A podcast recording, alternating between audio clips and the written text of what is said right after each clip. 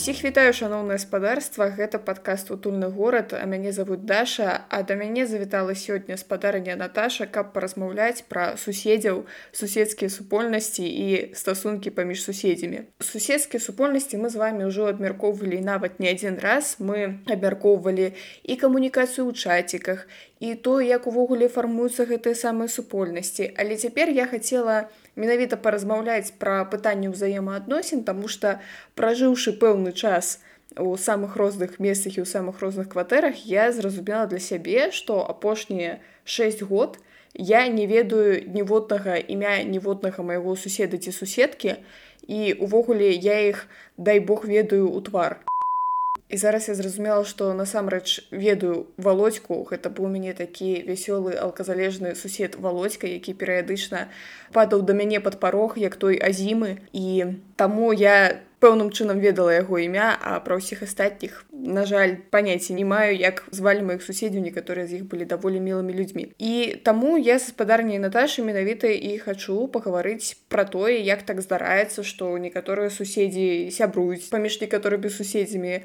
адбываецца змаганне не на жыццё на смерць некаторыя суседзі аб'ядноўваюцца і штосьці робяць разам ну а некаторыя робяць толькі адно аднаму усякія пакасці вітанкі я помогаю развиваться как раз-таки сообществом, разным сообществом, не только соседским, это и активистские команды, и политические в том числе немножко команды.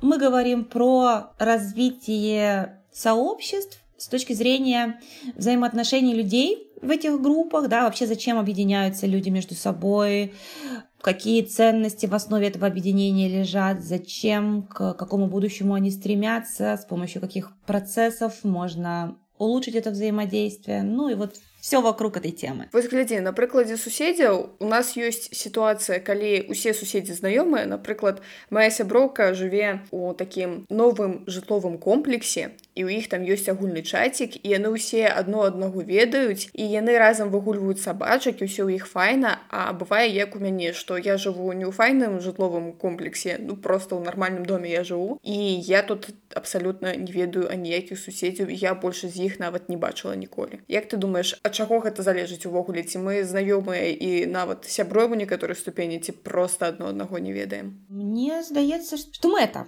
да то есть навошта ведаць суседзей обычно происходит как по моему опыту что обычно происходит знакомство в момент когда нужно решить какую-то общую проблему а до этого мы все живем как бы каждой своей жизнью и в общем-то кроме соседа Васи как про которого ты рассказывала чаще всего володька володька сори чаще всего остальных мы и не ведаем потому что нет цели такой. Мне кажется, в новых домах это происходит более естественным образом, потому что у них сразу создаются вот эти вот вайбер-чатики какие-то, да, и сразу происходит, наверное, на моменте там строительства дома уже какие-то общие проблемы, которые нужно решать. Там, не знаю, не вовремя сдали, где-то там не так починили. И, возможно, это немного другое поколение людей с точки зрения больше открытости к знакомствам, да, больше вот этого доверия к миру, друг к другу. То есть люди не ждут, что вокруг враги, а скорее больше нацелены на взаимодействие друг с другом. В старых домах, на самом деле, раньше соседи знали друг друга. Даже в Советском Союзе вот у них были традиции, когда там чаепитие или наоборот люди встречались, там провожали кого-то. То есть эта традиция была,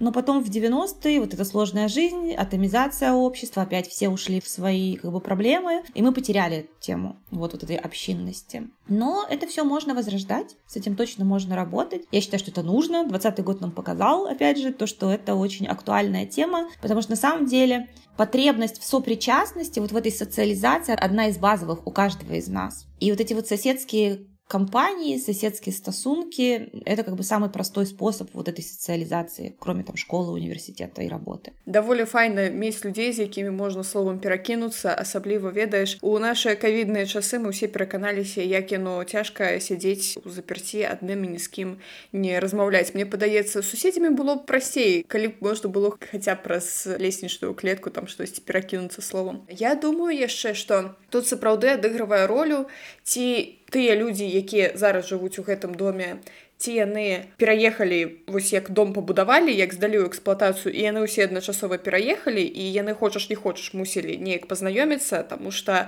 мы тут пераносім канапу ой а мы таксама пераносім канапу хто ж першы будзе праносіць канапу праз дзверы ў пад'ездзе гэта Мне падаецца пра савецкім саюзе нават гэта і захоўваецца ў такіх старых дамах ведаеш калі усе адначасова пераехалі ў новую хрушчоўку гэта былі больш-менш маладыя сем'і там з працоўных інтэрнатаў і камунальных кватэры вось яны пераехалі са сваімі малымі дзецьмі яны усе плюс-мінус аднаго ўзросту адной сацыяльнай страты больш-менш. І вось ім ёсць пра што пагаварыць. І з гэтымі новымі жытловымі комплексамі таксама нешта падобнае вось за кошт таго што існуюць там вайберы тэлеграмы. Дарэчы калі наша наша гэтая гіпоцеза спраўдзіцца то такім чынам калі дом здадзеную эксплуатацыю там у 2010 годзе то там людзі яшчэ не мусяць мець такіх крэпкіх стасункаў як у дамах якія здадзеную эксплуатацыю 2015 тому что вось у гэты прамежак часу з'явіліся гэты ўсе вайберы тэлеграмы ўсё астатніе гэта цікава я вспомнила свой опыт на самом деле я жила в баравлянах і в 2013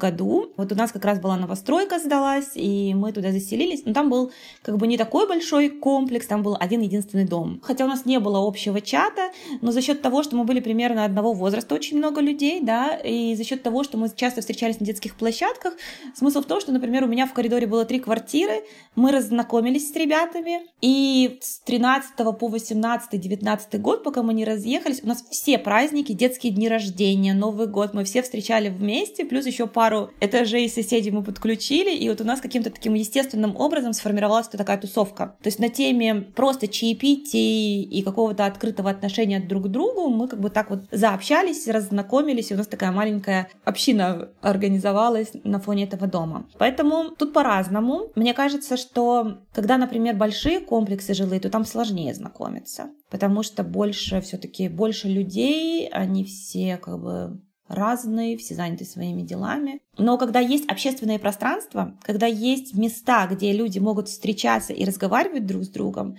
это, конечно, очень хорошо влияет на создание вот таких добрососедских сообществ. Вот пример Новой Боровой, в принципе, он говорит о том, да, что когда у них есть площадь, когда периодически проходят какие-то мероприятия, где мы можем в безопасной среде знакомиться, посмотреть, а кто рядом, о, а этого человека я видела у себя на площадке. Ну и таким образом, да, формировать вот эти вот отношения друг с другом. До речі, ты зауважала, что люди, у яких есть собаки, яны звычайно маюць нашмат больш сацыяльных сувязяў сярод суседзяў я так разумею что просто сабачки падышлі адно да аднаго адно аднаго панюхалі ну і людзі таксама ўжо пачынаюць неяк камунікаваць так то же самое детские площадки это прям такой клей для знакомства между родителями ну и детьми в том числе опять же вот мой опыт жизни вот в Боровлянах мы когда познакомились то потом по факту у нас дети одного возраста были или примерно одного можно было их в одну квартиру спрятать и заниматься своими делишками мальчишками, да, то есть такие условно-бесплатные няни, но на самом деле мы так друг друга выручали, и было очень хорошее общение друг с другом. И детям было прикольно, потому что у них все время была тусовка. Зноў же по-роздабу бывае. Бывае, што ваша сабака нікому не падабаецца, і ваш дзіцёнак таксама, і вы становіцеся выключанымі з гэтай тусоўкі. Глядзі, я хацела яшчэ пагаварыць пра гістарычную перспектыву, Таму што я разумею, што калі большасць насельніцтва яшчэ жыла ў вёсках, а не ў гарадах, там проста ўсе адна аднаго ведалі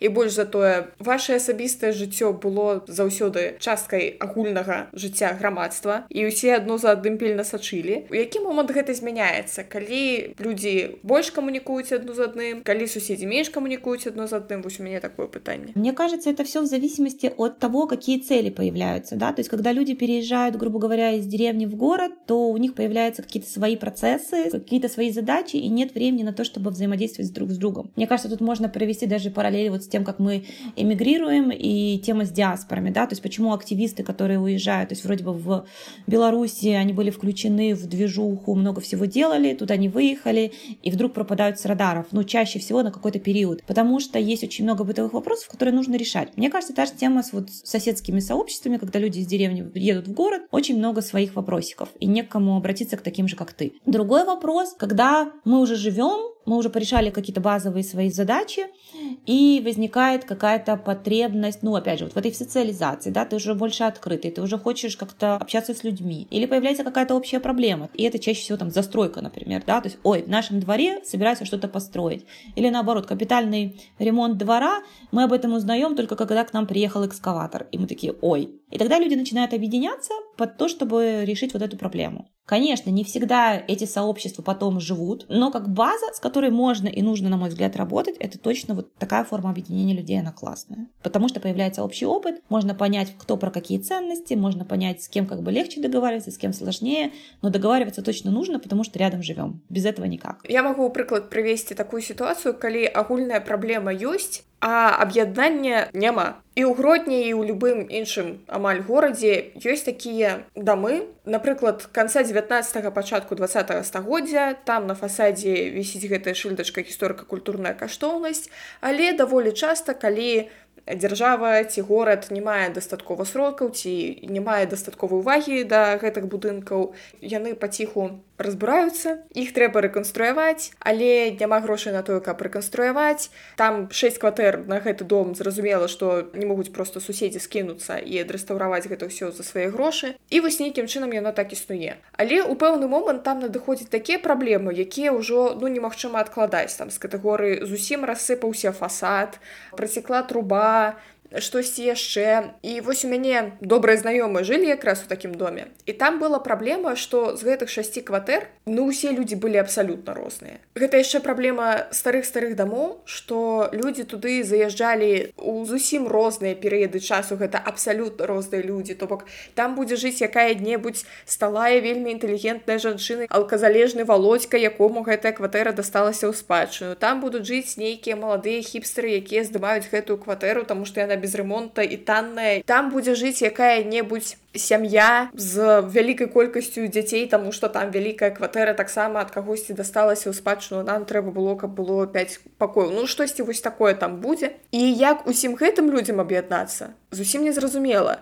і так яны і не аб'ядноўваліся і скончылася справа тым што мае знаёмыя просто з'ехалі ў іншы дом а той дом на мехася василька як зараз памятаю ён так і стаіць без пэўнага ремонту і з пэўнымі праблемамі я тут слышу две части Я воспринимаю такие истории и такие ситуации, когда вот очень разные люди живут в одном месте, и им нужно что-то вместе решить, на самом деле, как модель нашего государства. То есть это про разнообразие нашего общества, но нет неправильных людей, да, то есть у нас есть один человек, который говорит, у нас неправильный народ. Нет, так не бывает. То есть мы все живем на одной территории, мы вынуждены нам договориться. Да, это очень сложно. Один из кусков деятельности, которой я занимаюсь, как раз-таки обучение людей, которые могут на себя взять такую небольшую ответственность, да, обучение людей городской модерации. То есть есть методы, с помощью которых в одном пространстве вот такие вот очень разные люди могут договориться. Это сложно, это очень долго, но учиться этому, организовывать, фасилитировать такие вот встречи, да, организовывать такие обсуждения, когда может высказаться и такая бабуська, которая там будет кричать, и мамы, которым нужны, там, не знаю, детские площадки и ничего другого.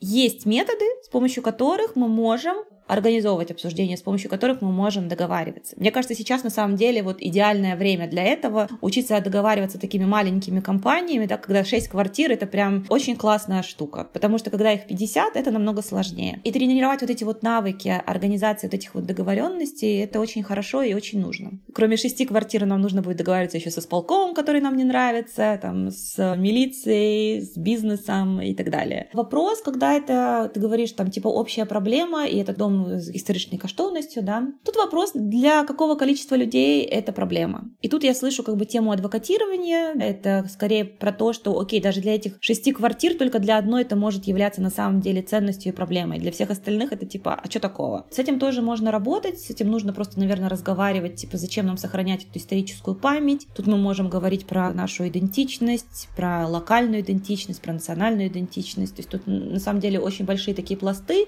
И наверное наверное, это тема для работы активистов, я думаю, то есть специальных этих наших общественных организаций, которые занимаются этой темой, которым болит. И опять же, через адвокатирование, может быть, через какие-то онлайн-сообщества они могут собирать вот эти вот группы, команды, которые будут защищать такие бутынки, такие дома. А вопрос денег — это вообще третья тема. Это вопрос, за что мы платим наши как-то коммунальные отчисления, куда они идут, каким образом формируется бюджет, каким образом расходуются эти деньги. Да, и тут мы опять скатываемся в тему, ну, для меня, по крайней мере, децентрализации, местного самоуправления, местных бюджетов, контроля граждан над тем, куда расходуются их средства. Для меня, например, эта тема вся вскрылась ну, в 2020 году. То есть до этого я тоже как бы не сильно интересовалась политическими процессами и как бы гражданским участием, ну, то есть что-то параллельно происходит. В 2020 я как бы сюда погрузилась, и я понимаю, что мне это скучно. Но, блин, если я не буду этим интересоваться, то все будет продолжаться так же, как оно есть. Да, точно так же этот дом будет разрушаться, в котором я живу. Получается, что такая история «моя хата с краю», вот я живу в квартирке, и дальше мне ничего не интересует. В 2020 году я переехала из своих Боровлян на Золотую Горку в Минск, и у меня это был осознанный выбор. Я хотела просто жить поближе к центру, чтобы больше было в зоне пешеходной доступности каких-то объектов инфраструктуры. Суть в том, что я переехала в Хрущевку. Делала там полностью ремонт в ней, в этой квартире, то есть мне очень нравится. Мне очень нравится район, мне очень нравится как бы моя квартира прекрасная. И меня бесил подъезд.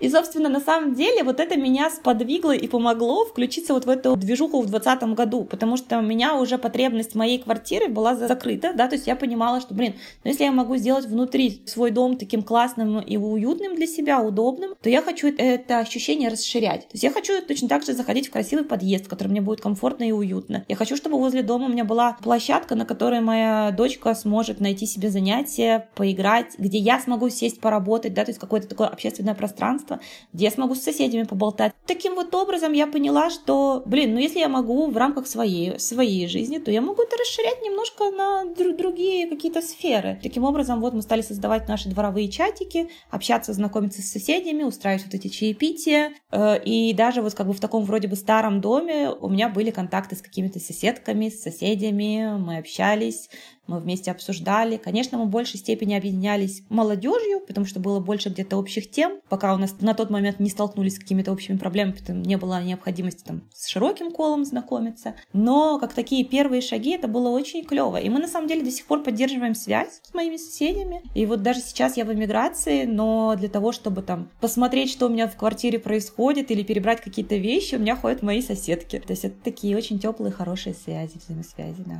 Вось ты сказала про рэчы рэчы а я подумала что напэўна вельмі паказальна дзе у цябе ляжаць запасныя ключы. Калі яны у сяброўкі якая жыве на другім канцы горада гэта адзін расклад. А калі у цябе запасныя ключы у тваёй суседкі у суседняй кватэры гэта іншы расклад і гэта мне падаецца характарызуе ваш даверы ваши цёплыя ўзаемаадносіны Ну і ўвогуле файна што ну не ведаю згубіла ключы прыйшла дамоў ключоў няма ну файна ж калі можна да суседкі зайсці она яшчэ скажа ой ты горушка давай тебе гарбаты нальючым ехаць потым увечары ноччу да той сяброўкі наспіць ужо каб яна шукала зараз твои запасныя ключы навошта гэта трэба Все так у нас были такие примеры у меня так ребенок домой возвращалась забывала ключи и шла в соседнюю квартиру и ждала там да возвращения или наоборот брала ключи открывала и при этом ты знаешь вот из моих соседей из моего моего опыта, с одной стороны, да, вот вроде бы я больше общаюсь там с людьми, которые, не знаю, условно читают те же книжки, что я, но при этом эти люди могут общаться там с моим соседом. У меня его зовут Вова, которым не очень хочется мне лично общаться, но есть другие люди, которые могут настроить коммуникацию с разными людьми и где-то какие-то вопросы тоже вместе решать. Убраться в подъезде, потому что кто-то намусорил из нас, то есть можно об этом договориться. И пойти погрозить пальчиком, сказать, Вова, давай-ка иди за собой, собирай все. Я у тебя еще хотела запытать про медиацию. Коли у нас есть молодые хипстеры, есть маці с тремя детьми, есть алкозалежный сусед Володька,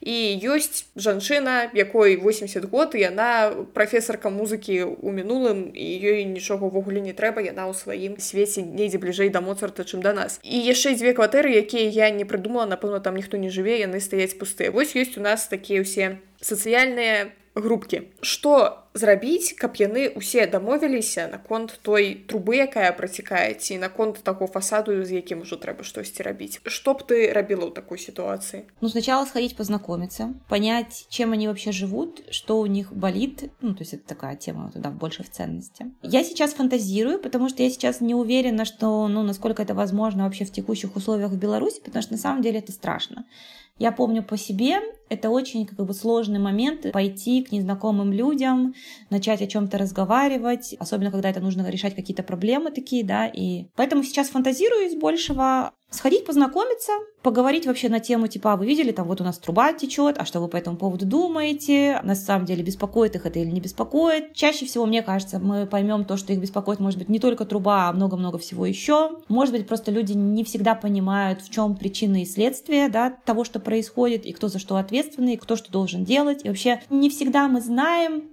а что нам делать, да, то есть я хожу, может быть, мимо этой трубы, да, она меня беспокоит, но я даже не понимаю, куда мне постучаться с тем, чтобы это порешали. Плюс, если мы понимаем, что нас беспокоит, ну, меня беспокоит эта труба, я, наверное, дальше пойду изучать, а куда мне нужно обратиться, ну, чтобы эту трубу починили. Самый простой способ, приду на Минскую урбанистическую платформу за консультацией, расскажите мне, какое одно окно постучаться и как сформулировать запрос. Когда я разберусь с этими механизмами, то пойду уже еще раз к этим соседям, может быть, предложу какое-то общее, там, не знаю, встречу, чаепитие, а давайте встретимся, а давайте поговорим на эту тему. А вот смотрите, я уже узнала, для того, чтобы решить эту проблему, нам нужно это, это, это. Что вы по этому поводу думаете? Вот. Тут, конечно, важно готовиться к такой встрече, понимать, что мы в результате этой встречи хотим сами, то есть какой результат мы хотим достичь, модерировать ее, то есть чтобы это не превращалось в балаган, то есть очень важно важно держать рамку, там вот этот вопрос, который мы задали, чтобы обсуждение вокруг этого вопроса и строилось. То есть вовремя останавливать кого-то. Опять же, если мы уже знаем примерно, кто чем дышит, мы можем понимать, на каком этапе кого как легче остановить. Вот. Или на какую там точку надавить, что, ой, Марья Ивановна, давайте мы про это попозже поговорим, потому что, потому что. Мне вельмі падабаецца твой падыход пра каштоўнасці, але ведаеш, ад часу да часу бывае так, што мне падаецца, у людзей увогуле няма ніякіх каштоўнасцяў, яны такія труба, якая труба подъезде, у якім подъезде. Такое же так само бывает. Такое бывает. Это нормалево. Если брать слепок с нашего общества, да, это нормально. То есть всегда есть какая-то группа активистов, всегда есть люди, которые больше, ну, такие участники, которые тоже поддерживают этих активистов. И есть вот это вот, грубо говоря, в сообществах, это мы называем прихильники. Это скорее такие люди, которые создают климат вокруг, да, то есть они вроде бы могут влиять на это, но скорее такие в параллельном мире живущие. Это нормально, не надо заставлять этих людей к чему-то, не надо себя тешить надеждами, что все сейчас вовлекутся, возьмут, там, не знаю, в руки лист с подписями и пойдут их собирать. Но тут можно и важно спросить, а на что ты готов? Вот смотри, ну нас все равно волнует, вот мы все равно тут живем. Что ты можешь все-таки сделать? Может быть, ты сможешь поставить хотя бы подпись? Или там, не знаю, может быть, ты сможешь позвонить нам, когда к нам приедут пилить дерево возле дома? Или еще что-то. То есть как бы очень какое-то минимальное действие, которое человеку посильно, на которое он согласится сам. А лучше, чтобы он сам его и сформулировал, потому что это про участие, про вовлеченность. Если ничего, ну, значит ничего, типа все окей. Давай там, не знаю, раз на Новый год встречаться, пить чай вместе. Типа ты нам важен все равно. Ну, я понимаю, что это, да, это такая, скорее, фантастическая история, для этого нужно много энергии, много ресурса. Я б яшчэ правяла прыклад людзей, якім звычайна нічога не трэба, гэта людзі, якія арендуюць кватэру. Па-рознаму бывае насамрэч. Напрыклад, я два гады пражыла ў здымнай кватэры і в мяне заўсёды была думка пра тое, што ну можа быць набыць сюды што якія шторы я з'еду праз пэўны час. Ну і ўвогуле так я пражыла два гады, не маючы тыя шторы Нічога неяк выжыла. А калі прыехала на новую кватэру першае што я зрабіла гэта замовіла шторы. Вось такі парадокс. У мяне у пад'ездзе я ведаю рэгулярна прыбірае прыбіральшчыца. Я яе некалькі разоў бачыла я з ёй віталася. У мяне у падвале раскладзеная атрута на пацукоў. Хтосьці ж яе расклаў хтосьці ж выклікаў тую прыбіральшчыцу нейкім чынам усё гэта аплочваецца у мяне пакошаная трава нейкім чынам гэта таксама аплочваецца за камуналку плачу не я плаціць моя гаспадыня якая мне просто піша суму я такая а ўсё пералічыла мне можа і цікава что тут увогуле адбываецца але я про гэта падумаю три секунды что мне цікава а потым я пайшла займацца сваімі справамі у мяне неяк няма ресурсу і матывацыі штосьці пісаць гаспадыні штосьці высвятляць прасіць мяне пазнаёміць суседзямі неяк у іх пацікавіць даведацца што там з тымі пацушкамі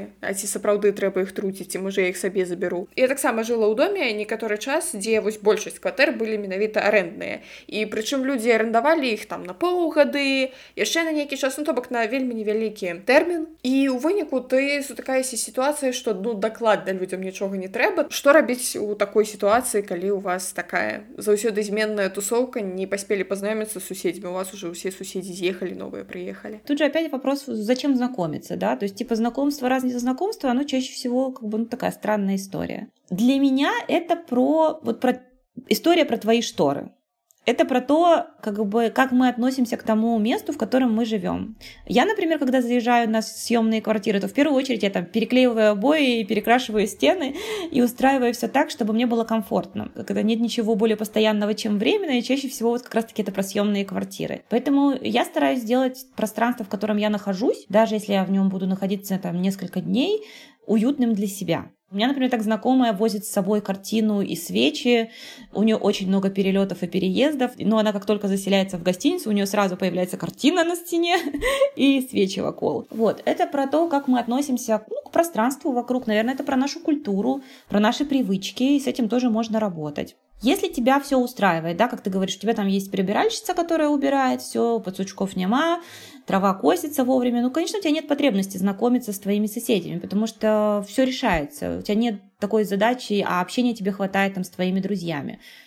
Это типа окей, Тема того, что людям ничего не нужно, для меня это скорее такая наша ошибка, знаешь, как-то обобщение, потому что, ну вот, условно, если бы ко мне пришли и спросили, даже когда я живу в съемной квартире, мне это интересно, я в такие штуки вовлекаюсь, для меня это скорее способ какой-то самореализации, наверное, в какой-то степени, потому что сообщества, они вообще предназначены для того, чтобы мы могли себя реализовать в социуме, то есть это такая миниатюрная школа того, как мы можем проявляться. Вот, и вот эта тема там с волонтерством, например, каким-то полезным действием, которое я могу предпринять. Для меня она не сильно напряжная, но удовлетворяет какие-то мои потребности. Это окей. Поэтому, мне кажется, не нужно бояться арендных квартир. Чаще всего там достаточно отзывчивые люди сидят, которые, ну, как бы живут, которые готовы включаться в общую движуху. Просто их никто не спрашивал. Потому что все думают, что, ай, арендная, значит, не нужно. То есть я, например, наоборот, встречала случаи, когда жильцам арендной квартиры было интереснее включаться в общую движуху, нежели там хозяевам этой квартиры. Тут опять мы сутыкаемся в цели, зачем, і как бы каким образом мы друг з другом знаёмімся Ну ведаеш таксама ж хочацца каб было як у амерыканскім фільме калі ты заязджаеш у свой новы дом бярэш гэты пирог з яблыкамі і ідзеш па суседзях знаёміцца і вось вы пазнаёміліся мяне ўключылі ў нейкае кам'юніці мы разам ходзім па нядзелях у нашу пратэстанцкую царкву але у наших шыротах чамусьці яно так не працуе не працуе потому что не было опыта наверное может быть нет культуры такой да но у меня есть друзья которые когда заселяются они пекут пирог мы собственно вот в Боровлянах мы так тоже раззнакомились у меня соседка реально она испекла пирог пришла постучала сказала у нас пирог приходи будем знакомиться ну да у нас это не популярно потому что что мы не видели такого опыта, и мы не знаем, а что так можно? Ну, на самом деле можно. Это не значит, что мы не можем начать. То есть, что мы не можем быть первыми людьми, которые начнут показывать пример, что можно ходить с пирогом, знакомиться и формировать это комьюнити добрососедское. Ты ведаешь, я подумала, что я уже не живу у Беларусі пэўны час, але калі мне хтосьці грукае ў дзверы, у мяне ўсё адно першая рэакцыя скінуць налады на тэлефоне на камп'ютары і схавацца пад шафу. І мне падаецца, што ў нашых цяперашніх умовах пайдзі пахадзі па тых кватэрах кватэрах ніхто табе асабліва не будзе рады по-рознаму часцей за ўсё так поэтому можно начать с кого-то кого ты уже на улице приметил ну, чаще всего мы все равно встречаемся в подъезде с какими-то людьми, все равно мы там хотя бы пару человек, но мы знаем, кто в какой квартире живет. Можно начать вот с такого безопасного пространства, которое, то есть безопасных людей, которых ты уже хотя бы видел или видела. Постучался, разнакомились, и можно вместе походить, да. Ну, то есть, если страшно, не нужно. То есть, в текущих условиях точно не нужно. Но хороший способ для знакомства, кроме как с пирогом, я же говорю, когда приезжает экскаватор. Вот у меня был пример. В прошлом году в одном из районов города у них э, был капремонт двора, ну и соседи просто вышли на улицу, и им пришлось друг с другом познакомиться, потому что нашлась одна женщина, которая смогла как бы, ой, а смотрите, а вот у нас вот это, а вот это, а давайте обменяемся контактами. Это старый двор, они создали вайбер-чатик, стали общаться, кто-то оказалось, что у них там юрист, кто-то оказалось, что у них может там просто покараулить на улице. Таким образом, они отстояли свой двор. То есть у них сформировалось ядро, вот эта команда, и они ходили и в ЖЭС, и в исполком, и на встречи с депутатом, и писали разные обращения. Они ходили к проектировщикам, предлагали, ну, как бы формировали альтернативные свои предложения по этому капитальному ремонту. И им удалось часть как бы задач порешать и сделать, то есть ремонт таким образом, как им нужно. А именно сформировать свою позицию и ее отстоять. Да, не полностью, но как бы такие вот маленькие шажочки это все получилось. Да, было очень страшно но по-другому ну то есть нет волшебной таблетки а как по-другому ты ведаешь мы с тобой прыйшлі до того что у прынцыпе усе гэтыя суседскія супольнасці яны збольшага патрэбныя каб вырашаць нейкія праблемы і задачы а я яшчэ чытала что у дамах дзе ўсе суседзі больш-менш знаёмыя нашмат менш праблем кшталту того что крацей ніхто не пачынае свердлаваць гучна слухаць музыку іграць на піяніна ноччу калісьці яшчэ але калі я была яшчэ малая і жыла у маленькім гарадскім пасёлку зразумела зразумела не тое што ўвесь дом быў знаёмы там усе былі знаёмы у прынцыпе адно з адным і вось у нашым доме нікому не замінала гучна сварыцца лаяцца разам з сабакам граць на гітары абсалютна ў любы час сотняў і наадварот мне падаецца у нашай сітуацыі было неяк страмнавата пайсці да суседзяў якіх ты ведаеш і сказаць што ў цябе ёсць нейкія прэтэнзіі да іх менавіта таму што ты іх ведаеш гэта ж люда і саша ну падумаеш пайгралі яны на фортапіяне десятый дзень за пар ночу ну ладно это ж наши знаёмы не веду нейкі сорам такі пачынаўся ну вот тут мне кажется больше такие знаешь вопрос психологических наших восприятия да то есть это вот этот стыд а или где-то страх потому что это Саша и Люда там они могут потом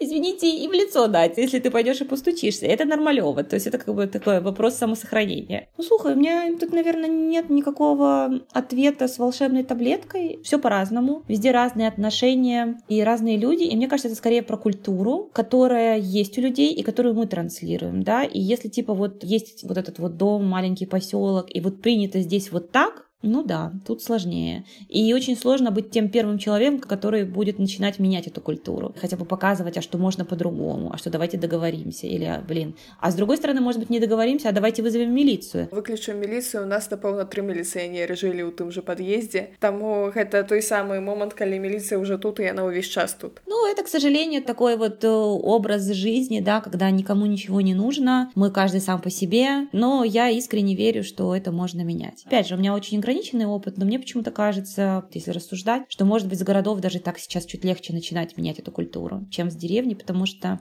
там вот очень устойчивые такие традиции, очень вот этот вот страх, стыд, а что люди подумают, он как бы слишком въедливо живет в людях. То в городе мы уже чуть более свободны в этом отношении, да, мы уже как бы больше в теме какой-то самореализации, может быть, каких-то психоштук там про себя узнаем что-то где-то. А ці ёсць такі эфект, што калі ты жывеш у нейкім пэўным асяроддзі, то ты сам сама пачынаеш сябе паводзіць як гэтае асяроддзе.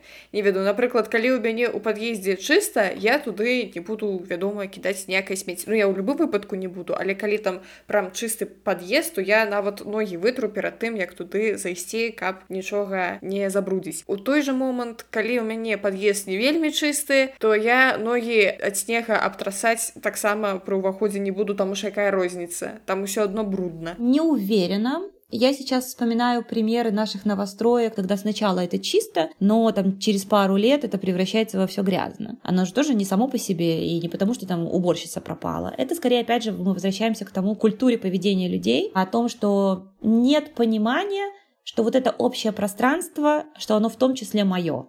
То есть это чье-то чужое, меня это не касается. Это скорее вот из этой серии. Поэтому, да, первое время мы будем стараться там не мусорить, не портить и все. Но с другой стороны, если нет вот этого ощущения причастности и ощущения владения, что я за это хоть как-то ответственна за это общее пространство, то тут, наверное, других вариантов не будет. То есть это будет всегда такое отношение, типа, ай. То есть если, да, ты воспитанный, ты будешь всегда доносить свой окурок до мусорки, это как бы одно, а когда тебе, типа, вообще просто пофиг, то бросил и бросил. Неважно от того, что ты тут живешь. И мы опять возвращаемся вот в эту, знаешь, там, образовательную тему, в развитие нашего общества, да, в гражданское участие, понимание ответственности за то, что мы делаем. Ну, то есть это такие глубокие пласты, с которыми, на мой взгляд, важно и нужно работать. Собственно, я этим занимаюсь. Но как это на бытовом уровне вот прямо сейчас менять? Опять же, показывать пример, свой пример, не надеяться на то, что он сработает сразу, да, то есть как бы без вот этих высоких ожиданий, что тут же сразу все поменяются. Может быть, где-то написать там, не знаю, объявку какую-то, рассказать вообще, что вообще-то это общее общее пространство, вообще-то вы за это деньги платите, вообще-то, если это будет испорчено, то с вас снимут еще больше денег. Ну, то есть на какие-то такие болевые точки подавить на соседей немножко, показать им вообще вот эти причинно-следственные связи, почему им это будет дороже, если они там не будут следить за этим общим пространством, например. Ты ведаешь то, что ты рассказываешь, мне нейкім чынам нагадвае ўвогуле выхаванне вельмі малых дзяцей то бок як з пяцігадовым дзіцёнкам А вось з вуліцы прыйшлі трэба памыць ручки а не трэба смецці выкідаць на подлогу трэба ў сметніцу і тут падаецца усе дарослыя людзі але ім нейкі такія простыя ісціны кшталту таго што не трэба курыць у пад'ездзе выйдзі на вуліцу ну, гэта ж падаецца ўсё просто усе ведаеш хадзілі ў адны і тыя школы усім адно і то же распавядалі а ўсё адно як бы эффекту няма но я не уверена что это как это заслуга детских садов и школ потому что мне кажется в текущей ситуации там другие другие задачи стоят. Там как бы как раз-таки задача создания послушных граждан, которые будут не будут высовываться, у которых нет своего мнения, и которые не могут отстаивать этого мнения. То есть, на мой взгляд, как бы система построена именно таким образом. Когда ты говоришь, да, что там типа про воспитание детей, и потом как бы взрослые, это скорее история семьи, на мой взгляд. Ну, либо вот пример там близких каких-то людей, которые могут тебе подсказать, да, что нужно мыть руки, что не надо выбрасывать мусор. Но опять же, на мой взгляд, вот как я живу, мне всегда очень важно понимать, почему. Типа, если ты мне скажешь, что просто не нужно выбрасывать мусор, ну, мне типа, ну окей, тебе не нужно, ты и не выбрасывай. Но когда ты сможешь достучаться до меня и объяснить, почему мне это должно быть важно, то есть каким образом это на меня влияет, как это задевает мои какие-то интересы, то это другая тема, и тогда я могу как бы над этим задуматься и, может быть, потихоньку начать менять свое поведение. Да, это сложные процессы, ну так есть. Мне хочется призыв такой вот э, сформулировать, да, что учитесь модерации, учитесь фасилитации, организации вот этих вот общественных обсуждений каких-то. То есть я надеюсь, что мы придем к той стране, когда мнение каждого нужно будет учитывать. Это не случится само по себе, без наших усилий. И если есть такой интерес, есть такие как бы, потребности, и мы видим, что это нужно, то это может быть наш вклад в формирование этого другого, ну, нового общества, какого-то новой культуры в этом обществе, да, когда мы можем друг с другом договариваться, формулировать свои ценности, когда мы можем вместе думать о том, что мы хотим, и брать на себя ответственность за то, что происходит вокруг нас. Как бы начиная с вот этого локального минимального уровня, с уровня там нашего подъезда, ну и заканчивая уже тем, а за кого мы голосуем на выборах и почему мы за них голосуем, да, как бы основываясь на том, что это просто красивый человек, или потому что мы понимаем, какие ценности он отстаивает устраивает. Скорее подумать, где наша роль, где мы готовы взять на себя ответственность ну и как бы копать в этом направлении. Сейчас хорошее время для того, чтобы учиться. Опять же, есть очень много материалов, допустим, по формированию добрососедских сообществ, по формированию таких вот районов, общественных пространств. Я рекомендую, например, Свята Мурунова, это российский урбанист, мне очень нравится его подход. Из белорусов мне очень нравится подход в работе с сообществами Михаила Волчика, то, что он эм, транслирует, то есть там тоже ценностный такой философский подход. На мой взгляд, любой подъезд — это отражение нашего общества, поэтому есть над чем работать. Файна, дякую табе шчыра і я лічу што калі вам не хочацца чытаць матэрыялы можете прынамсі слухаць наш падкаст на які зараз трэба подпісацца паставіць лайки зорачкі усе астатнія прыемныя адзнакі Наташа на что-нибудь твайго трэба подпісацца у нас есть подкаст также там немножко тоже про сообщество можно будет послушать спасылка будзе у опісанні пачуемся вы обязаны оплатить проезд. Набывайте проездные билеты от участку поездки.